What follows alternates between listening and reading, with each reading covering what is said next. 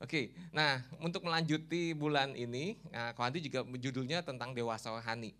Nah kali ini Kohandi akan berkhotbah dengan gaya sedikit berbeda karena ngambil kutipan ayat-ayat ya dan kata-kata setiap ayat itu nyambung nih teman-teman. Jadi saya harap teman-teman bisa cukup konsentrasi karena ngelihat dari akar katanya ya. Saya belajar supaya kita semakin dewasa gitu. Kemarin saya dengar soalnya di eh, apa namanya di home katanya mau belajar Alkitab juga ada dan juga pengen lebih dalam lagi. Nah saya coba untuk memberikan sedikit, tidak banyak tentang lebih dalam menggali Alkitab. Nah tadi ayat yang sudah kita pakai, saya akan coba. Nah ini dia, yang sudah dibacakan oleh Vini di uh, first of the week ya, first of the week. Ya ini. Ketika aku kanak-kanak, ya, aku berkata-kata seperti kanak-kanak. Aku merasa seperti kanak-kanak, Aku berpikir seperti kanak-kanak dan sekarang sesudah aku menjadi dewasa, aku meninggalkan sifat kanak-kanak itu. Nah, kata kanak-kanak ini artinya sebenarnya bahasa aslinya tuh gini, belum dewasa secara fisik gitu, ya. Dan dewasa itu yang ditulis di si dewasa kata dewasa ini adalah dewasa secara fisik, ya. Nah, jadi Paulus sedang mengatakan begini, teman-teman waktu aku kanak-kanak, belum dewasa, waktu aku anak kecil, aku memang merasa seperti anak-anak, aku berkata-kata seperti anak-anak, aku berpikir seperti anak-anak gitu. Ya, tetapi kalau aku sudah dewasa katanya, secara fisik, aku harus meninggalkan itu semua gitu. Setuju nggak dengan ayat ini? Ya, saya rasa kita semua setuju gitu. Karena anak-anak cara berpikirnya berbeda. Ya, kalau misalnya anak saya bermain sihat, main tongkat-tongkatan atau jalanan Hot Wheels tuh yang plastik, kalau teman-teman tahu suka main Hot Wheels gitu ya. Dia menganggap bukan jalanan Hot Wheels, dia menganggap itu pedang Star Wars. Dia bayangin begitu. Kalau dia ada di dalam satu kotak gitu, dus, aqua atau dus macam-macam, dia merasa dirinya seperti lagi nyetelin mobil. Karena anak-anak punya imajinasi gitu. Ya. Nah, waktu si Dev juga waktu kecil, dia suka minta ditaruhin gini, bangku di depan, bangku di belakang, tengah-tengah kosong. Jadi dia main apa tuh namanya tuh yang uh, bukan otopet, bukan sepeda, apa ya? Yang kalau setirnya digoyang bisa jalan sendiri. Tahu nggak teman-teman? Nggak tahu ya, mainan anak-anak ya. Udah terlalu dewasa. Nah itu dia suka begini. Dia lagi jalan dari sana, dia langsung sini langsung belok, set, langsung parkir, set, tanpa menyentuh depan dan belakang. Kenapa? Karena dia ngebayangin waktu itu saya ajak ke EIMS dan dia ngelihat itu namanya Swift, ya, yang bisa nyetir stuntman mobil begitu mobilnya bisa miring, mobilnya bisa parkir mepet begitu. Ya, jadi dia ngebayangin waktu dia naik kayak sepeda roda tiganya itu, dia parkir langsung begitu, set, set, wih, nyampe pak, nggak nabrak depan, nggak nabrak belakang, ada begitu. Dia ngebayangin seperti Raswif. Nah itu anak-anak, gitu. Berpikir, merasa dan berkata-kata seperti itu, dia ngebayangin aneh-aneh. Ya, ngelihat kasur, anak-anak bukan kasur, tempat kita istirahat bukan. Anak-anak lihat tampolin, dia loncat-loncat di kasur. Makanya ada lagunya, No More Monkey Jumping on the Bed gitu. Kalau itu anak-anak lagunya. Iya. Anak-anak melihat mengimajinasikan segala sesuatu dengan segala sesuatu yang fun. Nah kita kalau udah dewasa secara fisik, kita harus belajar meninggalkan itu. Betul nggak? Coba bayangin kalau kau handu yang sudah gede gini masih ngeliat kasur sebagai tempat trampolin. Aneh. Pas kalian datang berkunjung lah ini, orang gede begini lagi loncat-loncat di kasur. Atau main sepeda roda tiga seperti Dev. Nah kita harus meninggalkan itu. Ya. Menjadi dewasa secara usia teman-teman memang alamiah. Tetapi dewasa secara mental itu perlu ada sesuatu yang perlu kita kerjakan. Gitu. Nah Paulus mengatakan kita harus tinggalkan itu. Nah tetapi saya menemukan sebuah ayat bahwa kita sebagai orang Kristen jangan meninggalkan sifat anak-anak yang satu ini. Ya. Yaitu dikatakan gini, saudara-saudara, janganlah seperti anak-anak atau anak kecil artinya dalam pemikiranmu. Jadilah anak-anak ya, berbuat seperti anak dalam kejahatan katanya. Ya. Tetapi orang dewasa di dalam pemikiranmu. Nah, Paulus mau, Tuhan mau kita menjadi seperti anak-anak di dalam kejahatan. Makanya Yesus pernah bilang begini, Jangan biar, uh, jangan halangi anak-anak ini karena orang yang seperti ini yang empunya kerajaan surga gitu. Empunya. Jadi kenapa dibilang empunya? Karena anak-anak di dalam kejahatan. Tuhan mau kita melakukan atau bersikap seperti anak-anak waktu menghadapi yang namanya kejahatan. Ya, maksudnya apa? Kalau kita ngelihat anak-anak seperti saya kalau suka ngumpul sama home camp, ngebawa anak-anak, kadang ada yang ribut tuh. Anaknya koken ribut sama si Dev misalnya. Terus dia ngadu, om, om, si Dev tuh om, ambil mainan saya om. Gitu. Iya, iya nanti om bilangin. Tapi udah gitu main lagi. Nah anak-anak cepat pulih dalam hal itu. ya. Nah saya ngeliat begini perbedaannya nih teman-teman, perhatikan. Anak-anak egois dalam hal yang positif. Tetapi dia nggak egois dengan hal yang negatif. Ya, kalau ada yang berebut, yang jahatin, dia cepat ampunin. Tetapi kalau dia dapat sesuatu, dia egois banget, nggak mau bagi. Tetapi orang dewasa beda. Kalau yang positif, dia nggak egois. Tetapi kalau dia dijahatin, negatif, egoisnya minta ampun. Betul nggak? Sesuatu yang kebalik. Waktu kita anak-anak, Waktu hal yang positif datang, kita jadi egois. Kita punya kue, kita punya makanan, kita nggak mau berbagi. Tetapi waktu ada yang negatif, anak-anak ngalamin, dia cepat pulih untuk mengampuni. Tetapi waktu udah dewasa, hal positif kita bisa bagi ke teman-teman kita mungkin. Tetapi waktu kita dijahatin, waktu kita disakitin, sering kali kita lebih egois. Kenapa? Karena kita nggak mau mengampuni. Nah, Yesus mengajarkan begini, waktu kita udah dewasa, kita harus jadi atau berbuat seperti anak-anak di waktu mengalami kejahatan. Nah, maksudnya gini, ini mungkin menjadi ciri yang pertama kalau kita mau dewasa adalah pertama-tama seperti anak-anak dalam kejahatan. Artinya engkau harus berani mengampuni. Engkau harus berani untuk cepat memulihkan hubungan. Bukan untuk mempertahankan keegoisan. Ini menjadi ciri yang pertama kalau kita mau disebut orang yang dewasa. Ya. Orang yang dewasa itu adalah dia nggak egois waktu dia mengalami hal yang tidak enak. Gitu. Karena di dalam hidup ini pasti kita ngalamin yang nggak enak teman-teman. Ya. Nah Tuhan mau kita berlaku seperti anak-anak. Gitu.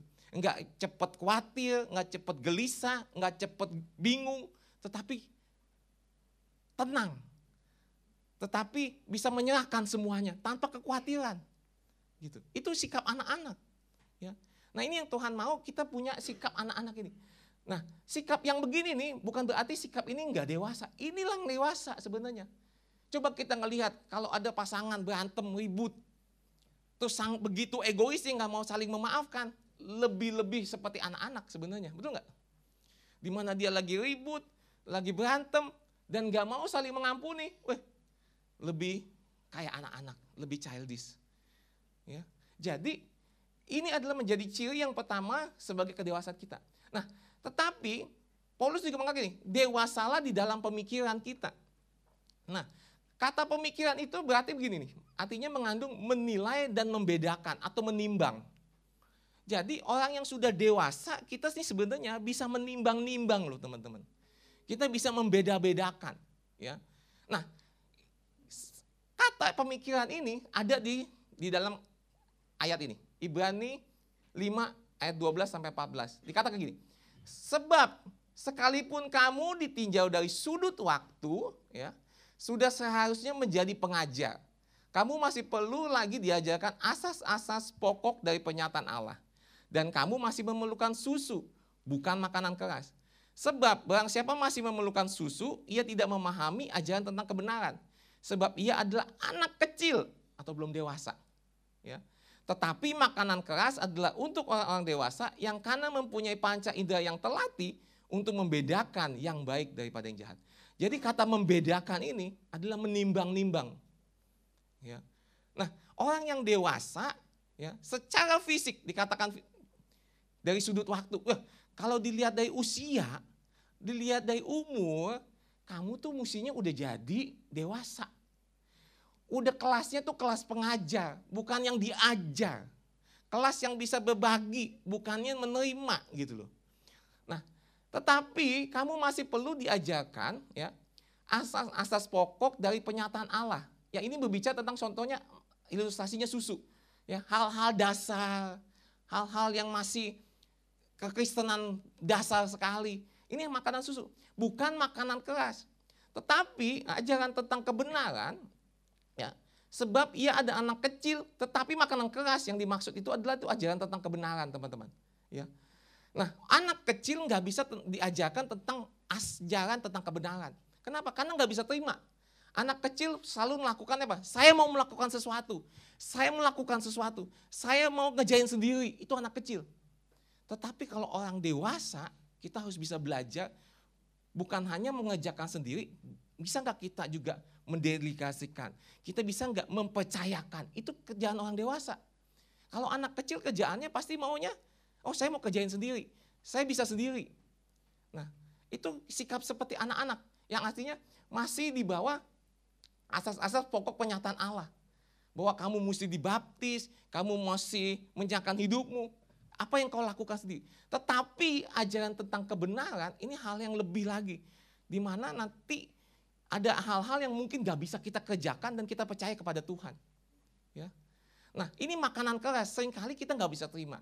Nah nggak apa-apa, sampai sini mungkin masih belum, tapi nanti saya akan maju lagi. Ya. Nah jadi orang dewasa itu maksudnya gini, bisa menimbang. Apa yang ditimbang? Nah ini yang terakhir. Yang baik daripada yang jahat. Nah, orang dewasa bisa menimbang ini, teman-teman. Saya rindu setiap kita yang sudah mengaku dewasa, kita bisa menimbang hal ini. Ya, bisa membedakan hal ini. Nih. Perhatikan, dikatakan yang baik daripada yang jahat, bukan yang baik dan yang jahat loh. Halo? Kalau kita bisa bedakan baik dan jahat tuh gampang. Dari kecil kita diajarin dulu nggak? Jangan main pisau berbahaya. Itu nggak baik main yang ini, ini baik.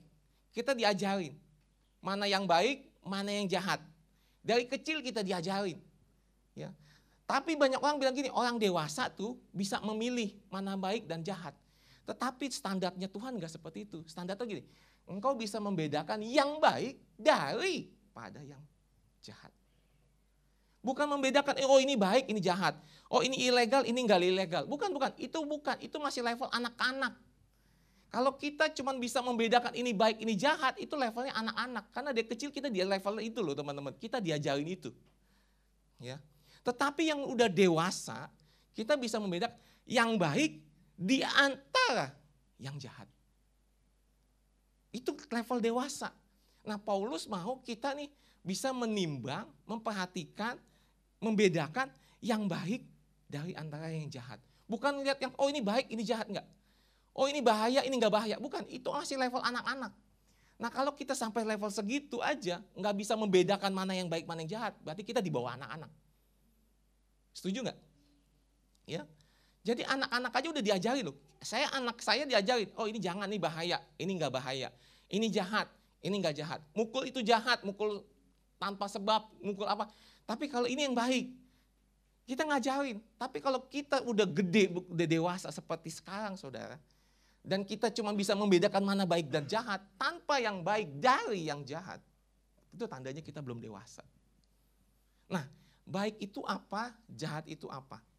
Kalau kita lihat sebenarnya di dalam bahasa aslinya nih, baik itu berarti begini, yang benar, yang mulia, yang indah, yang sehat, yang patut, yang bahagia.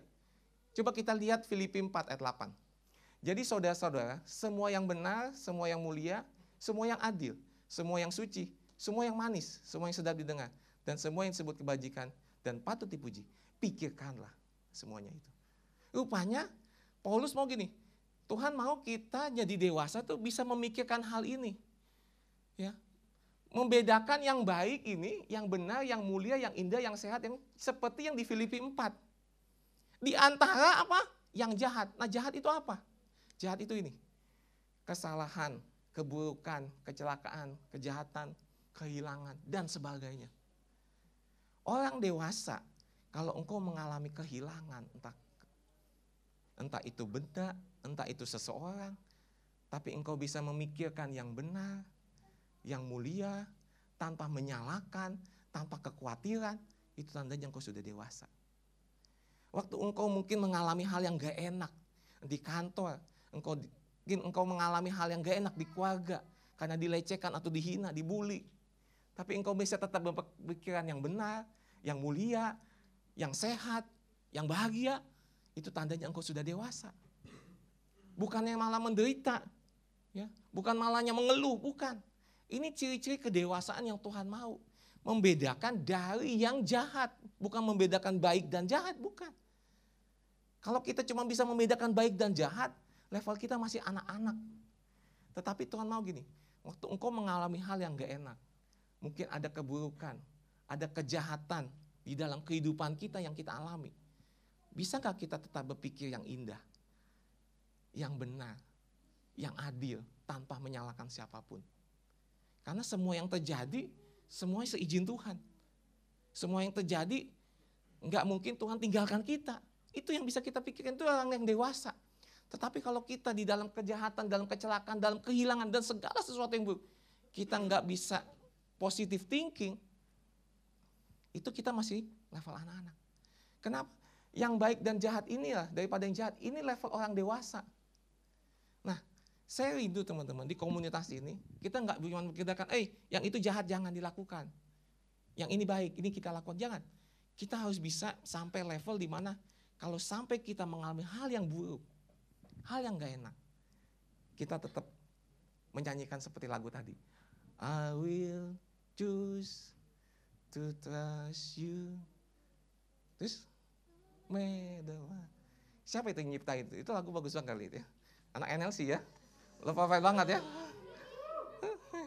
ya, jadi apa pun kondisimu, yang engkau lihat kah, yang engkau rasakan kah, yang kau lihat bisa menipu, yang kau rasakan juga bisa menipu. Tetapi orang yang dewasa nggak melihat, nggak tergantung dengan apa yang kau lihat, apa yang kau rasakan. Dia bisa tetap memikir yang baik, yang benar, yang mulia, yang indah, yang bahagia. Jadi, ayo naikkan level kita ke tingkat ini loh teman-teman.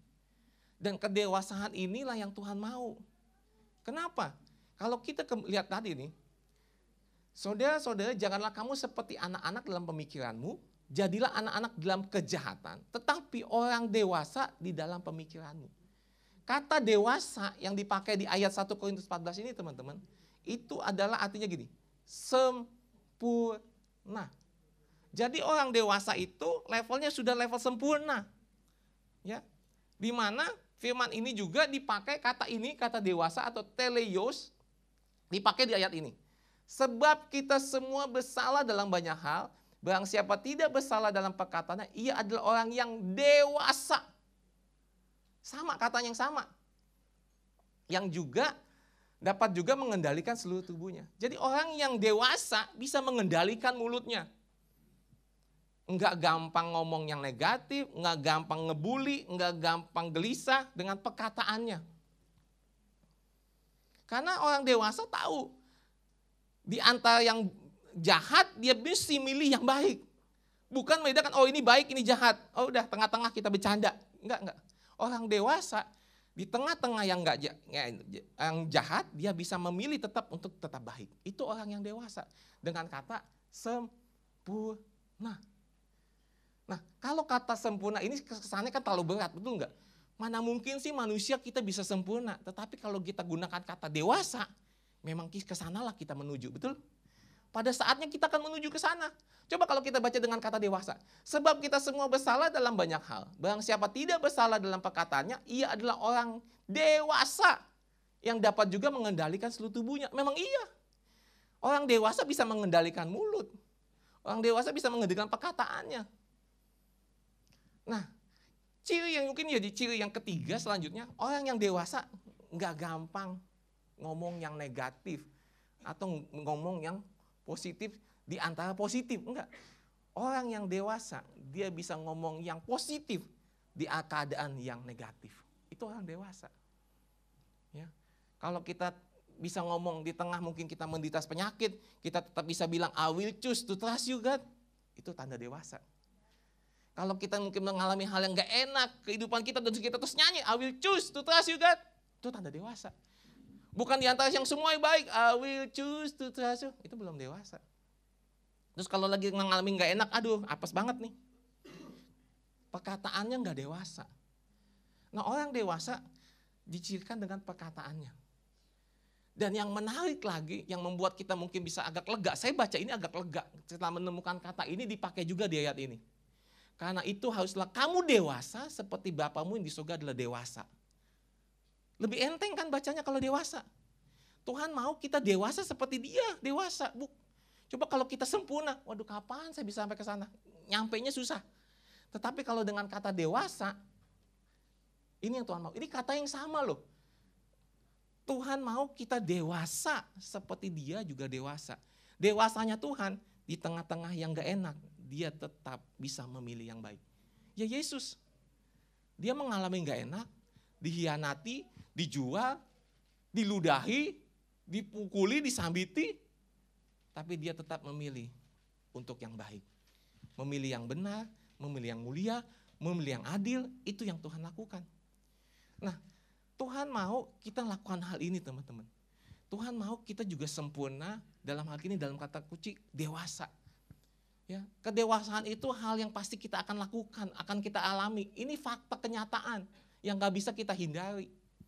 Nah cuman jangan sampai kita tetap tinggal di dalam kechildishan kita, ke anak-anakan kita. Boleh di dalam kejahatan iya, tetapi di dalam hal yang lain, Tuhan mau kita dewasa dalam pemikiran kita. Bisa memilih yang jahat, ya, yang yang baik daripada yang jahat, gitu. Oke, sampai sini bisa cukup mengerti kan? Kedewasaan kita pertama diukur dari apakah engkau bisa tetap bisa mengampuni enggak seperti anak-anak di dalam kejahatan. Ya, itu ciri kedewasaan. Ya, bukannya kita gak susah mengampuni, tapi gampang mengampuni. Yang kedua cirinya adalah tadi kedewasaan dilihat dari pemikirannya, bisa membedakan yang baik di antara yang jahat. Dan yang ketiga dalam perkataannya. Nah kalau kita bisa begini lakukan semua, berarti kita dianggap sempurna atau dewasa seperti Bapak kita. Karena Tuhan kita lakukan itu. Ya, dia cepat mengampuni, dia cepat memberikan apa namanya uh, apa pengampunan kepada kita. Dia juga lakukan hal yang tetap baik walaupun di tengah yang jahat dan perkataan dia nggak pernah ada keluar yang jahat. Gak ada. Waktu dia disakiti, dia tetap jangan menangis, engkau ibu-ibu. Dia bisa katakan seperti itu. Nah Tuhan mau kita dewasa dalam hal ini teman-teman. Yaitu dewasa seperti Bapak kita di surga. Nah sekarang bagaimana caranya kita dewasa? Ya, Nah kata telios ini dipakai juga di gini. Kata Yesus kepadanya, jikalau engkau hendak sempurna atau dewasa, pergilah, jualah segala milikmu dan berikanlah itu kepada orang-orang miskin maka engkau akan beroleh harta di surga dan kemudian datanglah kemari dan ikutlah aku. Nah yang menarik nih kata ini dipakai gini. Ini cerita tentang orang yang katanya orang kaya yang datang kepada Yesus.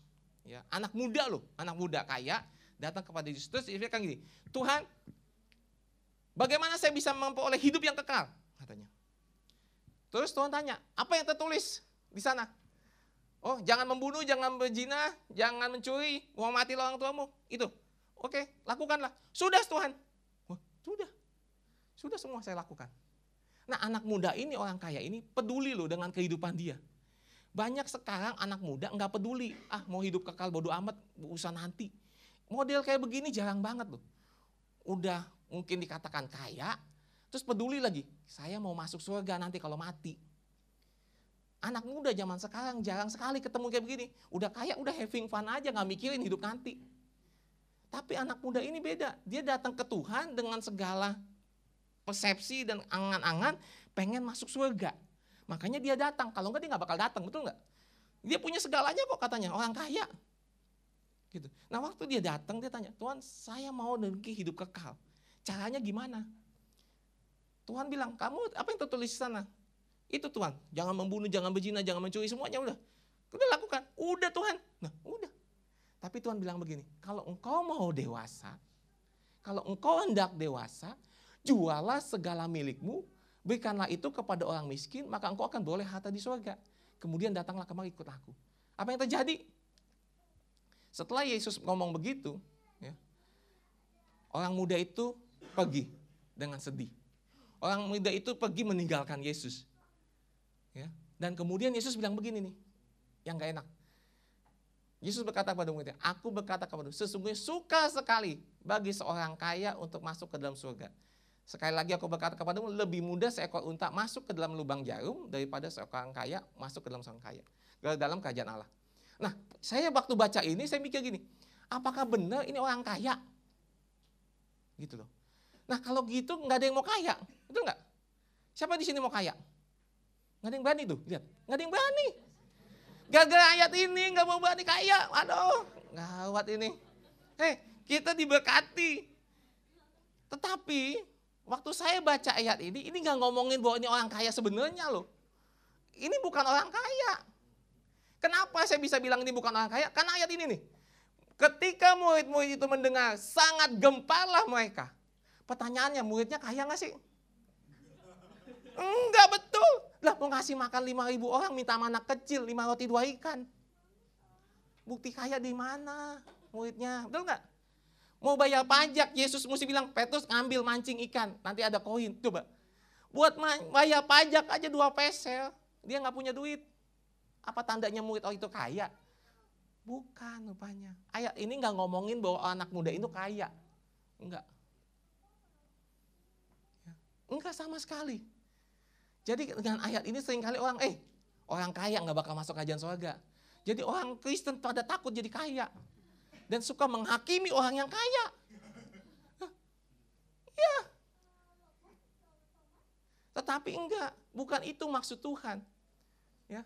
Waktu kita lihat ayat sebelumnya, kata ini lihat baca, ini bacanya aja udah ganjil banget. Aku berkata kepadamu sesungguhnya suka sekali bagi seorang kaya. Ini katanya bukan dia orang kaya, seorang kaya. Masuk ke dalam kajian surga. Ini katanya udah janggal banget.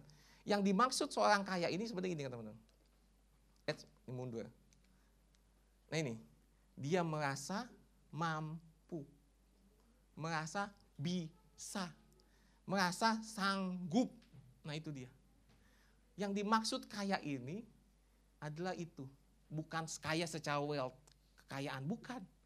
Tapi dia mampu untuk bisa melakukan semua tuntutan-tuntutan hukum Taurat. Waktu orang muda itu datang, dia tetap pengen pengen hidup kekal. Dia merasa dia sudah melakukan semuanya. Ya, ada 613 peraturan di orang Israel, 613. Dan satu gagal, semuanya gagal.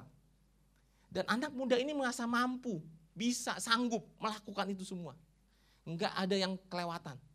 Tetapi Tuhan bilang begini, aku berkata, kalau kamu enggak mau jual segala milikmu. Kalau kamu nggak mau berikan itu kepada orang miskin, maksudnya bukan hartanya.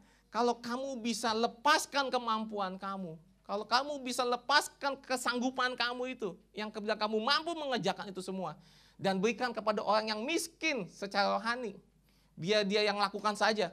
Kalau kamu mau, ikutlah aku. Percaya saja sama aku. Itu yang Tuhan ajarkan ke kita. Nah, Tuhan mau kita dewasa dengan tidak mengandalkan apa yang kau mampu. Tuhan mau kita dewasa dengan apa yang Tuhan kerjakan, bukan apa yang bisa kita kerjakan. Nah, karena orang dewasa itu bisa mendelegasikan, bisa mempercayakan. Tetapi anak kecil maunya saya lakukan, maunya saya lakukan sendiri. Itu kan anak kecil. Nah, begitu juga dalam ke, dunia rohani nih. Banyak sekali orang Kristen, kamu harus lakukan itu, kamu harus lakukan ini dan saya mau lakukan sendiri. Kesannya semuanya berdasarkan apa yang kita lakukan. Tapi Tuhan sedang mengajarkan gini, kamu mau nggak mempercayakan hidupmu kepada saya? Mendelegasikan semuanya kepada saya? Dan ikutlah aku. Tanpa engkau memikir apa yang bisa kau lakukan. Karena apa yang kau kerjakan di atas kayu salib cukup untuk kamu semua. Coba bayangin. Itu kedewasaan. Nah, saya mau tarik dari dewasa secara fisik. Mau nggak kita belajar juga dewasa secara rohani? Dengan apa? Mempercayakan Tuhan sesungguhnya dalam hidup kita. Mempercayakan semua apa yang bisa Tuhan kerjakan dalam hidup kita.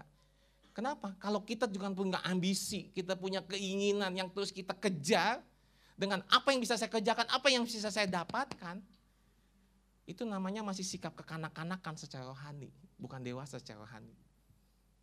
Karena Tuhan mau, mau nggak engkau mendelegasikan, ayo serahkan hidupmu. Saya mau kok tampung semua. Jual itu semua. Kasih. Nanti engkau akan memperoleh harta di surga, yaitu keselamatan itu. Dan kemudian ikut aku. Ini yang dimaksud, makanya Tuhan bilang, jangan merasa mampu. Makanya Tuhan bilang gini, bagi manusia hal itu nggak mungkin. Tetapi bagi Tuhan, segala sesuatu mungkin. Teman-teman, kita sering kali berpikir gini, kalau kita nggak mengejarkan apa-apa, mana mungkin bisa selamat. Kalau kita nggak melakukan hal ini, hal itu, mana bisa kita selamat. Seringkali dasarnya yang kita kerjakan adalah apa yang bisa kita lakukan. Bukan apa yang sudah Tuhan lakukan. Nah Tuhan mau nih kedewasaan rohani kita. Kita melakukan sesuatu karena dasar Tuhan sudah mengerjakan dalam hidup kita. Itu yang paling penting. Kedewasaan rohani ini yang perlu kita bangun. ya Bahwa Tuhan sudah mengejakannya, Tuhan sudah mengasihi kita lebih dulu, baru kita bisa mengasihi. Bukan karena dasar, wah saya mesti mengejakan ini, karena saya mengasihi Tuhan. Dan kalau saya nggak mengejakan, maka Tuhan nggak mengasihi saya. Itu sesuatu yang salah. Motivasi yang salah. Tetapi Tuhan mau gini, ayo, waktu engkau melayani, waktu engkau mengejakan hal-hal rohani, dasarnya adalah karena engkau dikasih oleh Tuhan. Karena Tuhan sudah mengejakan lebih dulu. Jadi serahkanlah semuanya. Ya, bagi manusia hal itu nggak mungkin. Iya, katanya mana mungkin orang kayak begini diselamatin.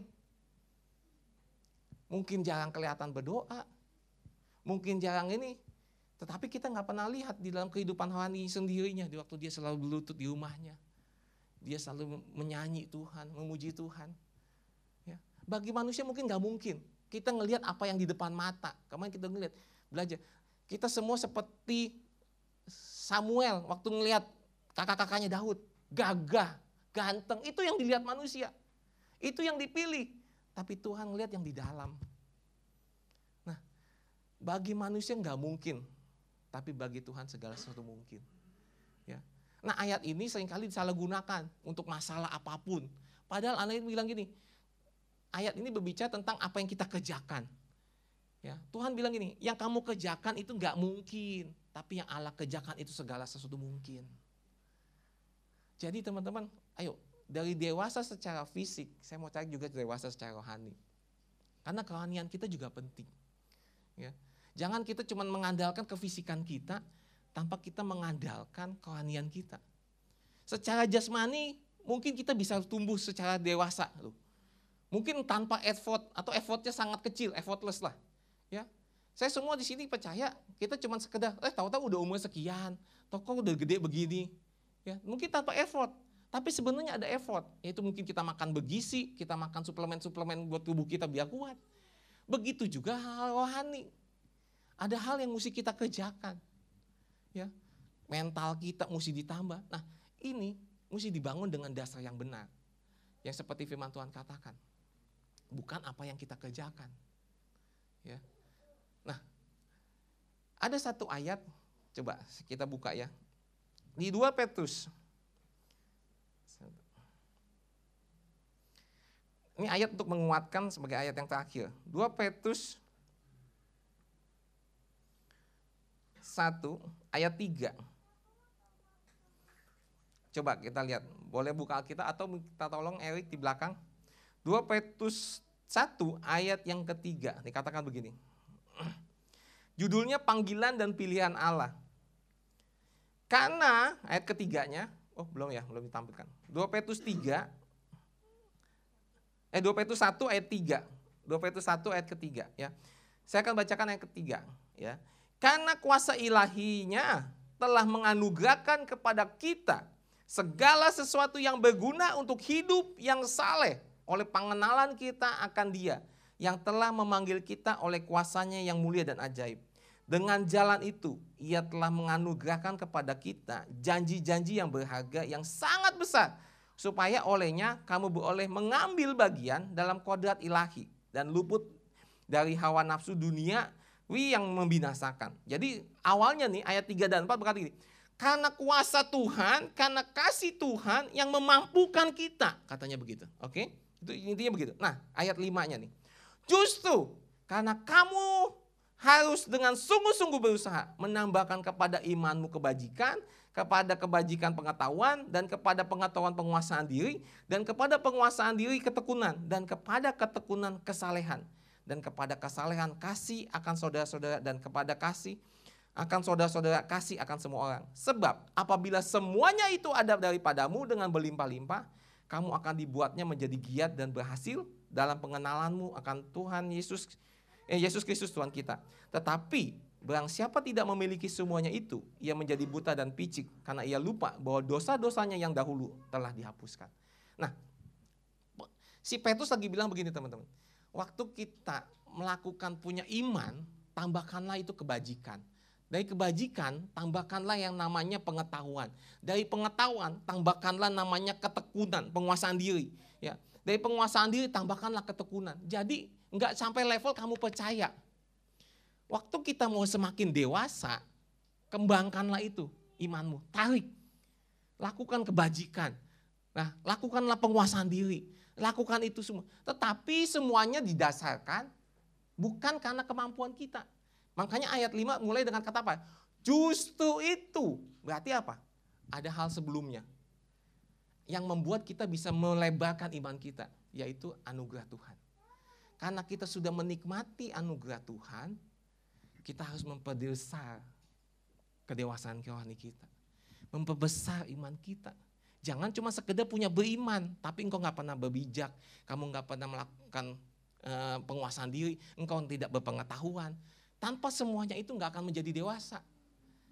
Tapi dasarnya mesti jelas bahwa Tuhan sudah menganugerahkan segala sesuatunya kepada kita. Tetapi makanya ayat penutupnya begini. Bagi orang yang nggak melakukan itu semua katanya. Dia adalah orang yang picik. Ya. Siapa barang siapa tidak memiliki semuanya itu ia menjadi buta dan picik karena dia lupa bahwa dosa-dosanya yang dahulu telah dihapuskan. Kita yang sudah dihapuskan dosanya, kita harus memperlebar alias memperdewasakan iman kita. Tanpa itu semua, kita jadi orang picik. Jadi orang yang dikatakan buta, enggak kenal dengan sebuah anugerah yang Tuhan berikan kepada kita. Tuhan mau waktu kita sudah punya iman, percaya. Ayo pelebar kapasitas kita. Pelebar. Ya pelebar teman-teman. Karena kebajikan itu ya kalau kita ngeliat urutannya sangat menarik gini. Iman harus ditembangkan dengan namanya kebajikan. Kebajikan itu adalah perbuatan baik. Ya. Setelah berbuat baik, jangan cuma sekedar berbuat baik, ditambahkan dengan pengetahuan. Kalau engkau cuma sekedar berbuat baik tanpa engkau punya pengetahuan, engkau akan salah sasaran. Waktu kita mau bagi misi, tanpa punya pengetahuan, asal bagi, jadinya mubazir. Tapi kita mesti punya pengetahuan. Nah, setelah pengetahuan, apa yang mesti dikembangkan lagi? Penguasaan diri. Bisa nggak kita menguasakan diri? Apakah kita tetap egois kah? Atau kita tetap bolos kah? Kita mesti bisa menguasai diri. Tapi setelah itu, lakukanlah dengan tekun. Ya, Jangan cuma sekali-sekali doang. Masa kita berbuat baik cuma sekali doang, setahun sekali, nggak bisa. Dengan tekun. Makanya kenapa misi kita di sini rutin terus. Kita belajar untuk tekun, ya. Belajar untuk mengurangi kesalahan kita. Itu perlu ketekunan. Nggak bisa cuma setahun sekali. Dan setelah ketekunan ditambahkan dengan apa? Kesalehan. Ya. Lakukan sesuatu yang berbuat baik lebih daripada sekedar berbuat baik dan kemudian kasih kepada seorang orang lain jadi itu perlu dikembangkan nggak bisa cuma sekedar kita percaya udah enggak kedewasaan rohani itu perlu dikembangkan Ya. Tanpa kita lakukan pengembangan, kita menjadi kerdil jadi anak Tuhan. Bahkan kalau Petrus katakan ini sangat gak enak banget. Kalau itu semua nggak ada, kita dianggap buta dan picik. Lebih-lebih dari kepada anak kecil.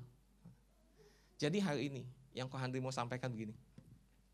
Secara dewasa, secara fisik kita sudah dewasa. Di sini kelasnya udah di atas 17 tahun kan. Sudah dewasa. Gitu. Nah, Engkau sudah dewasa secara fisik. Ayo, kembangkanlah kedewasaanmu dengan tiga hal. Yang pertama, jangan egois di dalam kejahatan. Beranilah mengampuni. Yang kedua, dewasalah dalam pemikiranmu. Ya, bisa melihat yang baik di antara yang jahat. Itu ciri-ciri kedewasaan secara fisik. Dan yang ketiga, engkau dewasa dalam perkataanmu. Ya, orang yang dewasa bisa mengendalikan perkataannya. Dan dewasa yang dimaksud inilah seperti Bapak di surga. Bapak kita di sana dewasa dengan tiga hal ini. Ya, dicontohkan oleh Yesus waktu dia ada di bumi ini. Dewasa di dalam kejahatan, dewasa di dalam pemikiran, di dewasa di dalam perkataan. Tetapi yang bukan hanya yang dikembangkan dewasa secara fisik, yang perlu kita kembangkan adalah dewasa secara rohani. Bahwa semua yang kita kerjakan itu dasarnya karena Tuhan, bukan karena kita. Kalau kita cuma pada diri kita sendiri bahwa kita bisa dan kita bisa seperti orang kaya itu, seperti anak kecil itu namanya kembali lagi. Bukan dewasa secara rohani.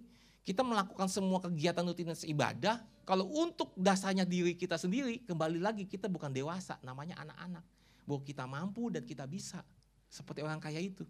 Tapi Tuhan mau gini, waktu engkau melakukannya, bukan dasarnya dirimu, dasarnya karena Tuhan yang udah menganugerahkan kasihnya kepada kita. Nah ini hal yang perlu kita kembangkan teman-teman. Di dalam kehidupan rohani kita. Saya boleh undang pemain musik. WL singa boleh maju. Saya nggak perlu berlama-lama. Karena yang paling penting adalah dalam kedewasaan ini. Adalah mindset dulu kita mesti ubah. Ya. Saya kalau terlalu lama juga mungkin tak tambah bingung. Karena ini menggali-gali kata-kata yang sesuai dengan sambungan-sambungan setiap ayat. Tetapi simpelnya begini teman-teman bahwa Tuhan mau kita dewasa loh. Jangan pakai kata sempurna. Ya. Tuhan mau kita dewasa. Ya. Kedewasaan itu hal yang alamiah, dewasa itu hal yang natural. Nah karena itu Tuhan mau kita dewasa. Ya. Saya rindu teman-teman juga kalau baca Alkitab, belajarlah untuk menggali. Cari kata-kata yang sederhana. Supaya kita ngerti apa sih maksudnya. Nah hari ini saya mau sebelum kita tutup, kita akan pulang, kita mau nyanyi lagu yang tadi kita nyanyikan. Ya, I will choose to trust you God. Ya, saya tahu bahwa selama hidup kita, kita tentu akan menghadapi namanya masalah. Kita mungkin mengalami hal yang gak enak. Kita mengalami hal-hal yang enggak tahu itu kehilangan, kecelakaan, hal-hal yang mungkin membuat kita, kok Tuhan kenapa ini mesti terjadi dalam kehidupan kita yang kita hadapi ke depan mungkin gak akan lebih baik teman-teman. Ya. Engkau yang mungkin mau menikah, punya pergumulan, engkau yang sudah menikah, punya pergumulan dengan besan orang tua dan tua segala macam. Engkau yang punya anak, engkau punya pergumulan dengan anak, dengan keuangan. Tapi mau gak kita terus belajar, Tuhan saya mau dewasa seperti engkau dewasa. Bahwa aku mau memilih engkau, aku memilih untuk percaya kepada engkau apa pun yang terjadi nggak ngelihat apa yang aku lihat, nggak mau merasakan apa yang aku rasakan, tapi aku cuma mau percaya kepada firman Tuhan. Amin. Boleh saya semua undang bangkit berdiri?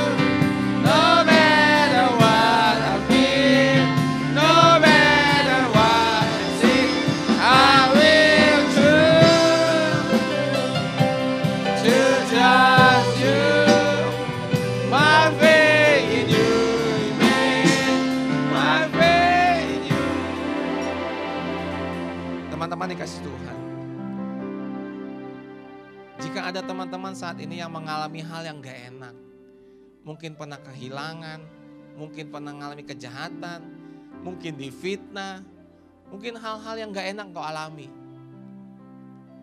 Hari ini aku mau berdoa buat teman-teman di sini.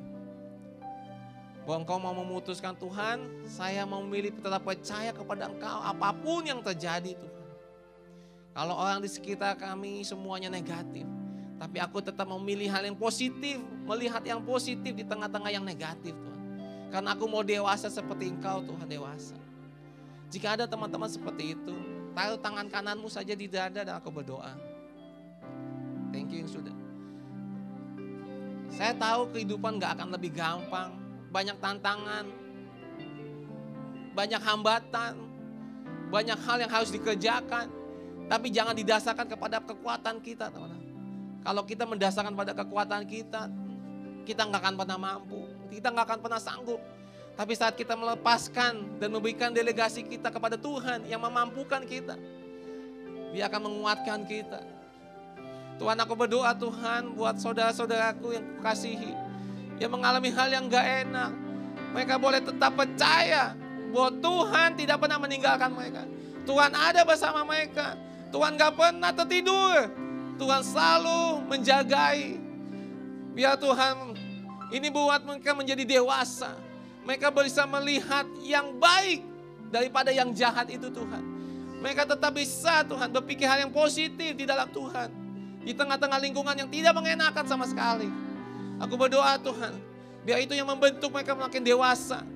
Semakin mengenal Engkau Yesus Kristus. Dan semakin dewasa secara rohani. Aku berdoa Tuhan kuatkan hati mereka. Teguhkan hati mereka Tuhan. Mampukan mereka. Untuk mereka Tuhan. Lebih lagi di dalam mengenal Engkau Yesus. Sehingga mereka percaya sungguh bahwa Yesus Kristus adalah Tuhan dan Juru mereka. Terima kasih Tuhan. Terima kasih teman, lepaskan tanganmu. Mari. Oh, you have for me. Still holding on, in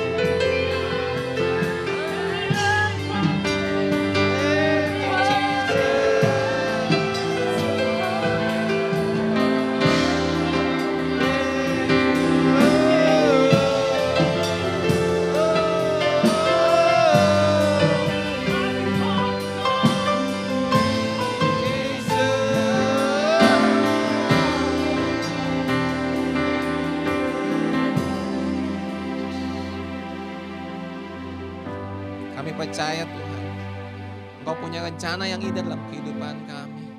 Kami percaya Tuhan, Engkau punya sesuatu yang Kau persiapkan yang terbaik buat setiap kami Tuhan Yesus. Kami percaya Tuhan, bahwa apa yang Kau kerjakan gak akan pernah sia-sia dalam kehidupan kami Yesus. Terima kasih Tuhan, kalau kami hari ini belajar bahwa Kau mau kami dewasa. Karena Engkau sendiri sudah menunjukkan kedewasaanmu bagi kami. Karena itu Tuhan, mampukan kami Tuhan. Bukan dengan kuat dan gagah kami, tapi karena anugerah yang kau berikan kepada kami Tuhan. Yang memampukan kami bisa melakukan segala sesuatu yang kau kendaki dalam kehidupan kami. Kami mau semakin dewasa, semakin serupa seperti engkau Yesus. Karena engkau menghendaki hal itu kepada kami. Dewasa seperti engkau ya Tuhan Yesus. Terima kasih Tuhan Yesus. Apa pun terjadi dalam kehidupan kami, kami tetap percaya kepada Engkau Yesus. Apa pun terjadi yang kami lihat dalam kehidupan kami, kami tetap percaya kepada Engkau Yesus. Karena Engkau lah sumber kekuatan kami. Engkau lah sumber penyediaan kami Tuhan Yesus. Terima kasih Tuhan, terima kasih. Bersyukur Tuhan untuk hari ini ada di tempat ini, di komunitas ini Tuhan. Kami bersyukur Tuhan kalau kami boleh mengenal Engkau Yesus. Dan biar di tempat ini Tuhan kami boleh semakin mengenal Engkau. Di tempat ini kami boleh saling, saling mengasihi satu dengan yang lain. Karena di tempat inilah pembentukan kami Tuhan Yesus.